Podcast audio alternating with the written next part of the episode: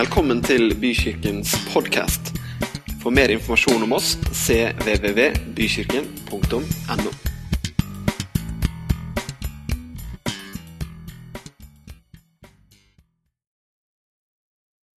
I løpet av siste halvannet året så Ja, drøye året, siste halvannet året, så har eh, fire av mine kamerater mista faren sin. Noen eh, venta pga. lang tid med sykdom. Andre særdeles brått og uventa. Naturlig nok ble det et sjokk for dem. Og en sorg for alle, og definitivt så går man og kjenner på et savn. En han eh, sa det sånn at 'Pappa, du har lært meg så utrolig mye'. En annen sa at det, det jeg har mista nå, det er faktisk min beste venn. En annen sa det jeg har mista nå, det er den beste samtalepartneren vi snakka sammen mange ganger i uka. De er ute av livet. Det var, det var over. Ute fysisk av livet. Ikke noen man lenger kunne slå et nummer og oppnå kontakt med, men de var borte. Hm. En han sa bautaen i livet er borte. Men så må livet gå videre. Det høres ut som en klisjé, men det er noe med det at livet går videre selv etter at vi opplever sånne veiskiller i livet vårt. Det er en fortsettelse. Vet ikke om du blir irritert eller håpefull når du ser en film som avsluttes med 'fortsettelse følger'. Hvis jeg ikke visste det på forhånd, så syns jeg det er kjempeirriterende. Er det flere deler? Og jeg er ingen god seriemann. Jeg har aldri prioritert serier, for det, passer, det, bare, det betyr bare at det tar veldig lang tid. Hender det blir en og annen miniserie. da, Det passer meg bedre. En episode, en del av serien, var over for disse kameratene mine. Og så må livet gå videre. Fortsettelse følger. Jeg har tenkt å snakke om fortsettelse i dag og neste søndag og også en tredje søndag. Så da blir det faktisk en serie. Det er jo litt rart når det er meg. Men fortsettelse følger, og så skal vi snakke om noen ulike ting som, som er veldig aktuelt for oss. Jesus hadde noen kamerater, han også. Ofte referert til som disipler eller etterfølgere. Disse tolv utvalgte som hadde satt alt annet til side. Bokstavelig talt hadde de faktisk sluppet det de hadde i hendene, for å følge etter han. Og snakk om et eventyr. Snakk om et liv sammen med mesteren. Tenk å være der, da, dere, når Jesus metter 5000. Vet ikke om du har tatt det tankeeksperimentet. Men kanskje du skulle ta det. Tenk tenk å se det. Tenk å være den som bærer disse tolv kurvene med mat til overs etter at Gud har gjort et mirakel. Kan du tenke deg det sånn litt? Eller tenk å liksom være tilskuer på første rad når han her lamme mannen blir firt ned gjennom taket, og så sier Jesus, 'Din tro har frelst deg. Ta senga di og gå.' Hvor mye hadde du betalt for en sånn billett? Det er mer enn Telenor Arena og Oslo Spektrum. Det er spektakulært så det holder. Men så skjer jo det, da, plutselig, at uh, alt har jo en slutt, sier vi. Jeg tror ikke at alt har en slutt sånn hele veien. Men i alle fall så begynner disiplene å skjønne det at nå snakker han mye om eh, hva som skal skje når han forsvinner. Nå sier han, eh, for, jeg, for dere ser meg ikke lenger, for jeg går til min far. Og de har mange teorier. De har, mange, eh, det er sikkert mange samtaler litt sånn på avstand når Jesus ikke er der. Hva er det han mener? Og Philip han prøver seg på et spørsmål. og Bartolomeus prøver seg på et spørsmål. og De prøver å finne ut hva er det egentlig han mener. De skjønte ordene, men de hadde vanskelig med å få tak i hva er det egentlig som er meningen. Det de i alle fall skjønte, var at nå går dette mot slutten. Nå er eventyret snart over.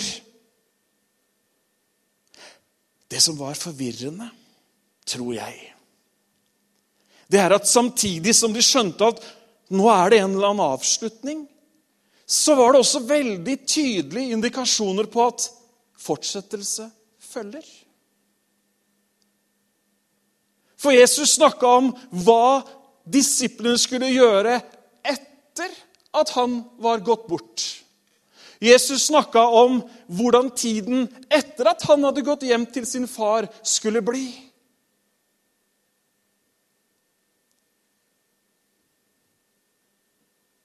Hva tror du de tenkte?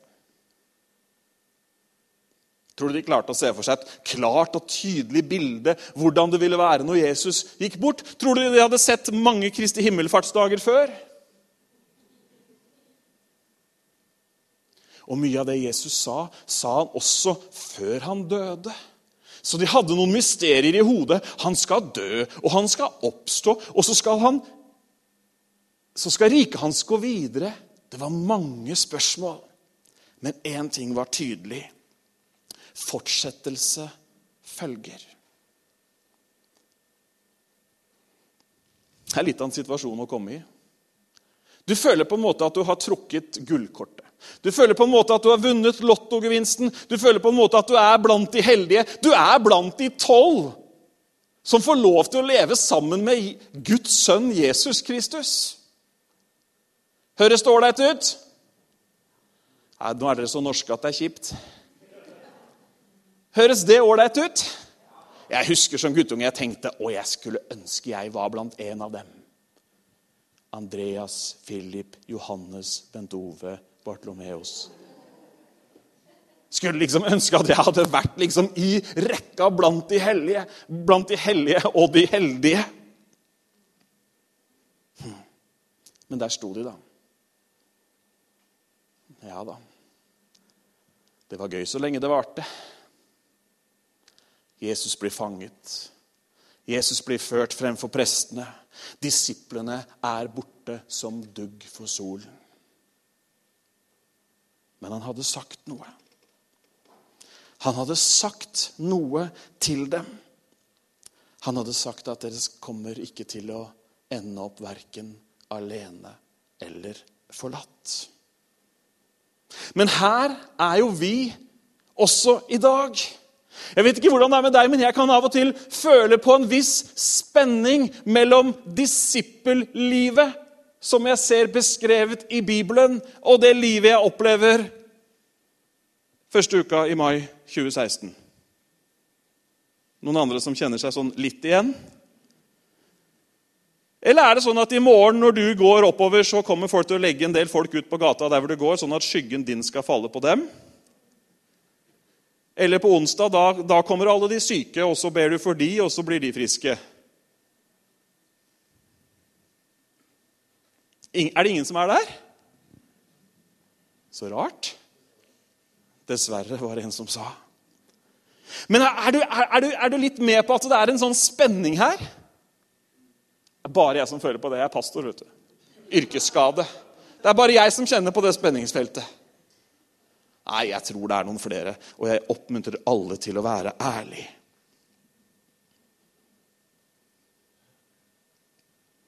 Historiene fra søndagsskolen, de sitter. Ikke sant? Daniel i løvehulen. Gang etter gang. Daniel kommer ut hver gang. David og Goliat. En gang i måneden i ca. tolv år. Hvem er det som vinner? Noen, noen var i tvil! Noen var i tvil. Nei, det er faktisk Det er faktisk David, ja, akkurat. Nei, men det er bra. Ja. Fascinerende historier om blinde som ser. Historier om lamme som går. Historier om alvorlige sykdommer som forsvinner fordi Jesus kommanderer sykdommene å forsvinne. Og så sto de der som etterfølgerne. Som de som skulle ta dette videre. Du vet at uttrykket 'å hoppe etter Wirkola' det blir blast. Altså, det, det, burde egentlig ikke vært nevnt engang, for det, det, er, det, altså, matcher overhodet ikke. Men jeg tror nemlig at du og jeg, vi kjenner litt på dette her. Jeg vet hvem jeg tror på. Du vet hvem du tror på. Men så kjenner vi oss noen ganger litt alene. Litt forlatt.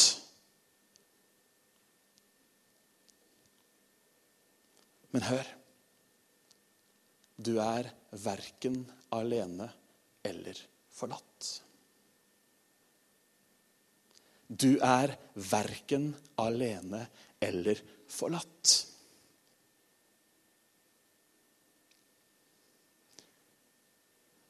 Verken som menneske i ditt menneskelige tap eller som etterfølger av Jesus og som en som skal bringe hans rike videre. Skal vi se litt hva boka har å si om dette her? Skal vi gå til Bibelen og se at det fins noe mer? Det er nemlig sånn at det finnes mer. Tror du det? Tror du Gud har noe å si om dette? Det er forunderlig. Gud han har noe å si om alle livets områder. Yes, jeg må bare kaste jakka.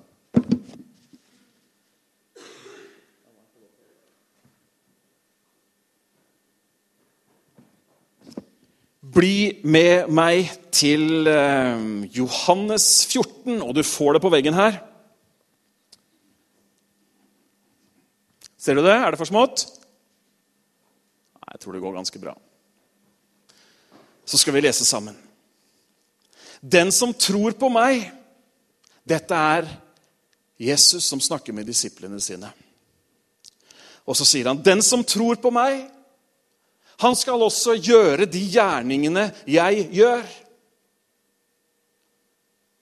Aner du et sånt forventningspress? Tror du Peter har sånn minifilm i hodet? Ja, samme gjerning. Ja, ok. Gjøre, og ja vel, Jesus, jeg skal gjøre sånn som du har gjort. Han skal gjøre større gjerninger enn disse. Nei, nå tror jeg vi bremser litt ned, Jesus. Hvis vi kunne komme opp på 50% cirka, av der du har vært, så måtte da det vært veldig bra.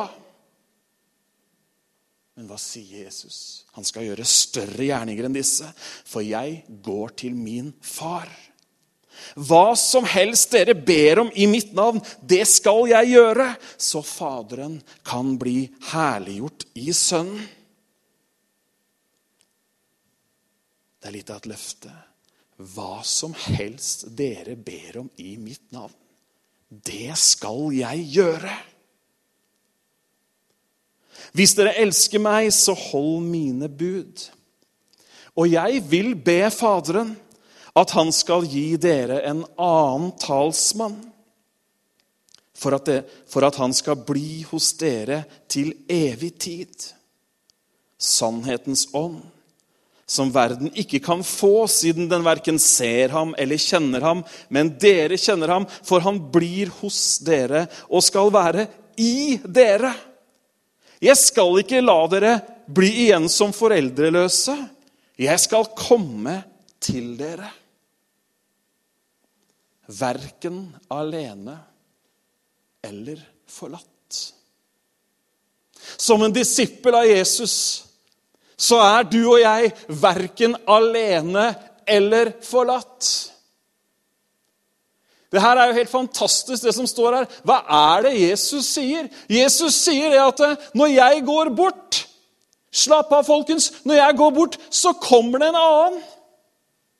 Det kommer en annen talsmann. Det, kom, det, betyr at det kommer en annen som hjelper deg. Det kommer en annen som trøster deg. Og det kommer en annen Det står litt eh, seinere ut i samme kapittel det står at, at han Den hellige ånd, han skal minne dere på hva jeg har sagt.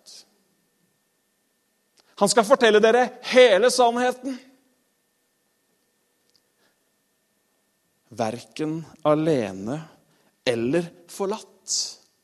Dette her er heftig, folkens. Dette her er langt over gjennomsnittet av hvilket som helst heftig budskap noen noen gang kommer til å kommunisere. og Derfor så må du bare bære over med at jeg er litt begeistra. Okay? For det Jesus sier her, det er at når jeg går bort og det her kan du lese om i de kapitlene Johannes 14, 15 og 16. Gjør det når du kommer hjem. Det Jesus sier her, er at når jeg går bort, så skal jeg si til Gud at Gud, nå må du sende din ånd ned som kan hjelpe disse menneskene. Kunne det ikke vært mer enn nok da, at vi hadde alle Jesu historier å leve på? Vi hadde jo danka ut alle andre religioner bare der. Kunne det ikke vært mer enn nok at vi hadde koll på alle lignelser, på alle historier og på Jesus som et fantastisk forbilde? For det er han. Udiskutabelt filosofi, udiskutabelt enhver religion. Jesus som forbilde er helt fantastisk. Men Jesus sier at det er noe mer som kommer til å skje. Jesus sier at det er noe annet. Jesus sier, 'Jeg skal ikke etterlate dere foreldreløse'. Disse kameratene som jeg nevnte i stad, disse som har mista faren sin gjennom det siste, det siste halvannet året, de har mista sin far. De er farløse. Og det kan man være i forhold til sin fysiske familie. Men Jesus kommer med et kraftfullt, et betydningsfullt, en utrolig viktig informasjon. Han sier, 'Jeg skal ikke etterlate dere' verken alene eller forlatt. Han kommer, talsmannen. Det betyr hjelperen, advokaten, trøsteren. Har du advokat? Sånn som er liksom din advokat? Jeg pleier å si at jeg har, jeg har en advokat. Den eneste gangen jeg brukte advokat, så var det en jeg kjenner veldig godt, som eh, tok oppdraget, og det ble full seier mot eh, alle makter og myndigheter, hadde jeg nær sagt. Så det var veldig fint, så jeg pleier å kalle han min advokat. Det var effektfullt, altså. Vet du hva han gjorde? Han skrev ett brev. Ett brev skrev den advokaten. Og så tok han én telefon. Og plutselig så var alt i orden. Det er godt vi har advokater. Dere er ganske sånn eh, For å si det sånn, det er mange russ her i dag.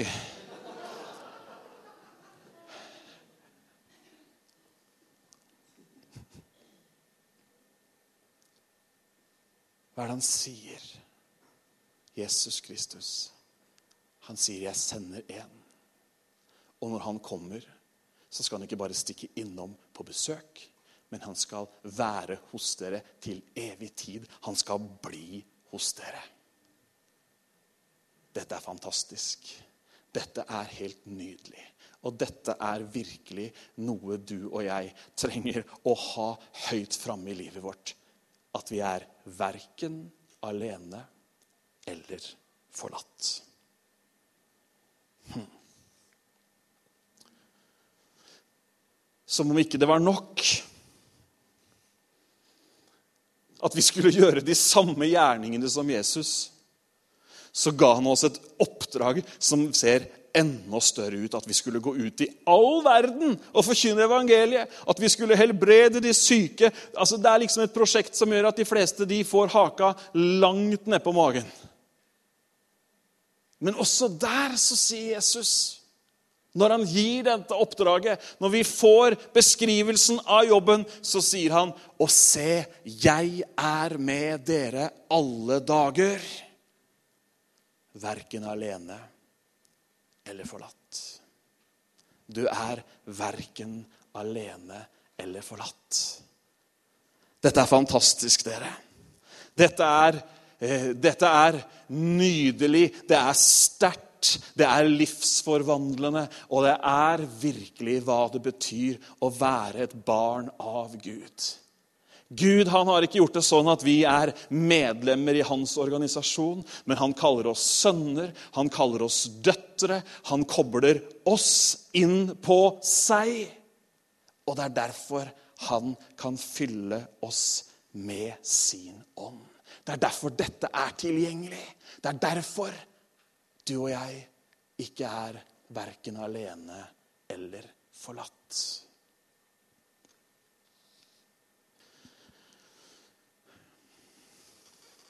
Jeg vet ikke hvor du er hen i livet.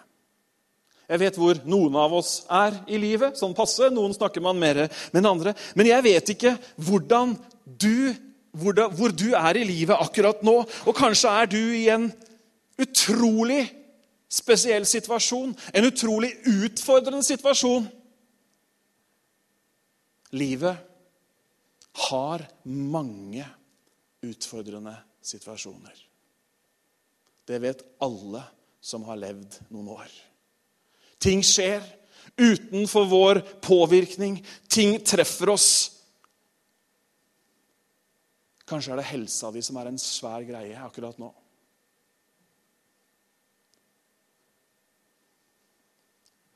Kanskje er eh, Kanskje det er ekteskapet som er det store. Kanskje er økonomien helt på bånn. Og kanskje er familielivet alt annet enn en festreise. Da vil jeg si en ting til deg her i dag. Du er verken alene eller forlatt.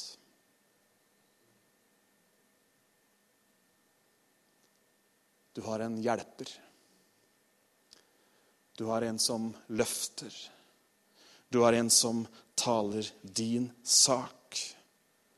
Han har gitt oss en hjelper. En som kjenner alle ting. En som vet alle ting. En som kan minne deg på hva Jesus sa om dette her.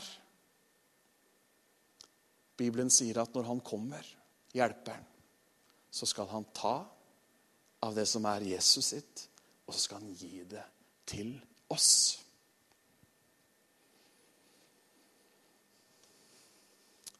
Som etterfølgere av Jesus, som kristne i 2016, så kjenner vi kanskje fra tid til annen, i hvert fall gjør jeg det, så får jeg bekjenne for mitt eget liv, og så får du bekjenne for ditt liv. Men jeg kjenner, ja, dere, av og til at jeg kommer til kort.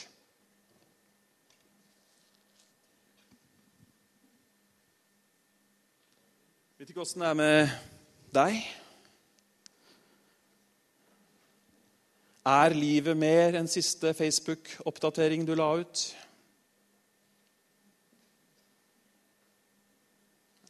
Jeg skal være ærlig, jeg kjenner at jeg kommer til kort. Jeg tror vi alle føler at vi gjør det til tider. Jeg tror vi føler at vi kommer til kort når det gjelder helt praktiske ting i livet. Ting som skulle vært gjort på hjemmefronten. Skal vi lukke øynene og bekjenne?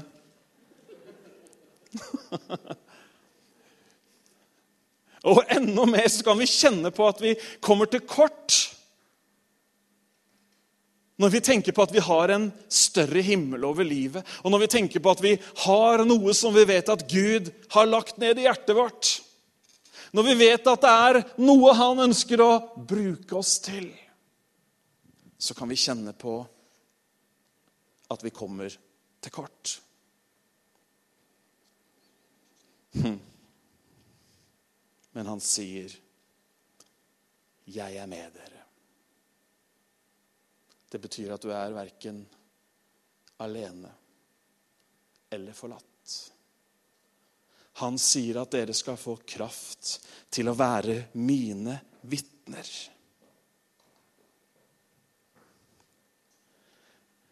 Jeg vet ikke hvilken stasjon på livets reise du har gått av på. Kanskje du har tatt deg en velfortjent hvil og er snart på veien igjen. Husk at du er verken alene eller forlatt. Kanskje du ikke føler at du har gått av på noen stasjon i det hele tatt, men at du heller faktisk mer er liksom på beskrivelsen totalhavari. Motoren har skåret seg. Og man tenker liksom Viking, Falken. Du skjønner, De hjelper bare medlemmer. Spøk til side. Det finnes én som hjelper deg. Bibelen sier at hjelperen din går i forbønn for deg med sukk som ikke kan rommes i ord. Du er verken alene eller forlatt. Uansett hvilken situasjon du befinner deg uansett hva slags fjell, for å bruke det bildet, som står foran deg og stenger veien, uansett hva slags jerndør som du føler at blokkerer utgangene hm, Hva skal jeg gjøre, da? Hva skal jeg gjøre, sier du. Vil du høre hva jeg syns du skal gjøre? Nei, da hopper vi over hele dette punktet. Ja. Jeg har lyst til å komme med et forslag. I morgen er det mandag, hvis jeg har telt riktig. Så kommer tirsdag, og så går uka sin gang. Og hør her. Enten du kaller deg profesjonell kristen. Det er ikke så mange som gjør det, men det er mange som går rundt med en holdning at man tenker at man vet alt. Been there, done that, got the T-shirt. Diplomen henger på veggen. Jeg kan dette. Enten du er der, eller du bare så vidt egentlig har streifa borti dette med kristen tro, så har jeg lyst til å komme med et forslag. Henvend deg til advokaten din. Spør hjelperen din. Snakk med han som er trøsteren framfor noen annen trøster. Ja, hva mener du? Jo, jeg mener akkurat det jeg sier. At du i din situasjon, der hvor du har stoppa opp i livet, der hvor du er, så spør han som vet alle ting, om råd. Ja, hvordan da, liksom? Inni, inni en eller annen from bønn? Nei, du trenger ikke det. Men jeg har, lyst, ikke du, jeg har ikke tenkt å gi deg en utfordring som skal vare tre måneder. ok? Tar du en utfordring som varer sånn ca. en uke, uten rapporteringsplikt Er du med på den? Flott. Snakk. Prøv den uka som kommer. Prøv i morgen og tirsdag. og fredag og lørdag. Ta litt grann tid. Og så snakker du med han som er sendt med ett oppdrag. Å være din hjelp, å være din trøst, å være din kraft. Klarer vi det? Snakker gjerne med deg igjen på søndag. Men dere, han er der. Han er sendt. Han er hos oss. Han er nemlig der til evig tid. Dere, tenk hvilken gave det er vi har fått. Det er ikke rart at Den hellige ånd av og til omtales i brevene som Den hellige ånds gave. Det er ikke så rart, for dette er en gave. Dette er Gud som gir oss, som gir deg og meg. Vi er hans sønner, og vi er hans døtre. Han gir oss en gave fordi han elsker oss. Og han vil, han har skapt det sånn, han har gjort alt klart for at hans nærvær ved hans ånd skal være i oss hele tiden. Ja, skal jeg gå rundt og være super pinsevenn 24-7 nå, da? Svaret er ja, men da må vi bare definere hva pinsevenn er i hyperversjon. For det er ikke det jeg snakker om i det hele tatt.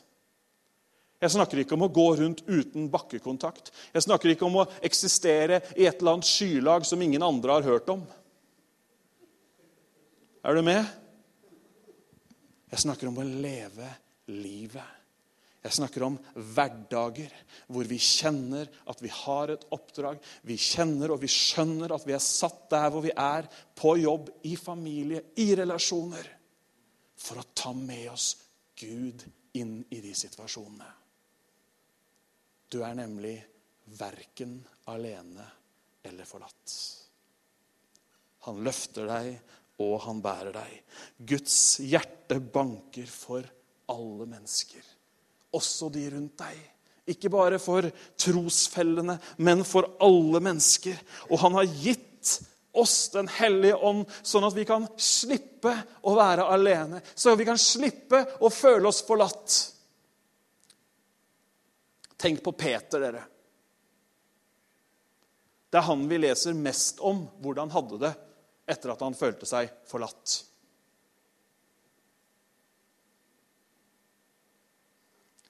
Og så skjønner Peter at nå har jeg fått gaven. Nå har Faderens løfte blitt en realitet i mitt liv. Les om Peter i de siste kapitlene i Johannes, og så leser du om han i de første kapitlene i apostlenes gjerninger, når han har snakka med hjelperen. Når han har tatt imot kraften, når han har tatt imot trøsten, når han har hatt eh, et møte med sin advokat. Og så er det en annen mann. En som er full av Gud, som ikke er aleine, som ikke er forlatt, men som faktisk beveger seg akkurat sånn som Gud ønsker at han skal være. Amen.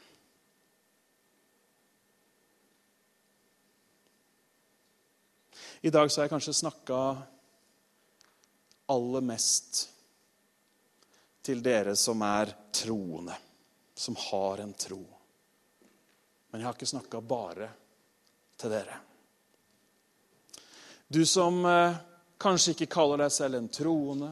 Kanskje ikke du tenker på deg selv som særlig kristen. Du er nemlig også inkludert i det jeg har sagt i dag. Å være verken alene eller forlatt, det er ord som også angår deg. Gud har nemlig et sterkt ønske, og det er at du skal få oppleve det. At ikke du er etterlatt. At ikke du er alene. Han vil at du skal få lov til å ta imot den invitasjonen han gir. Han vil at du skal komme sånn som du er. Og komme inn i hans familie. Å komme til Gud, det er akkurat som å komme til en kjærlig far som med åpne armer tar imot deg. Du trenger ikke å freshe deg opp. Trenger ikke å fikse noe. Du trenger ikke å ramse opp alle mulige bommerter og alle feil du kanskje har gjort. Synd, som også mange kaller det. Gud har ordna opp i det. Jesus Kristus kom til denne jorda for å ta bort synden. Han tok bort all verdens synd, og han tar bort din synd ved at du tror på det han gjorde.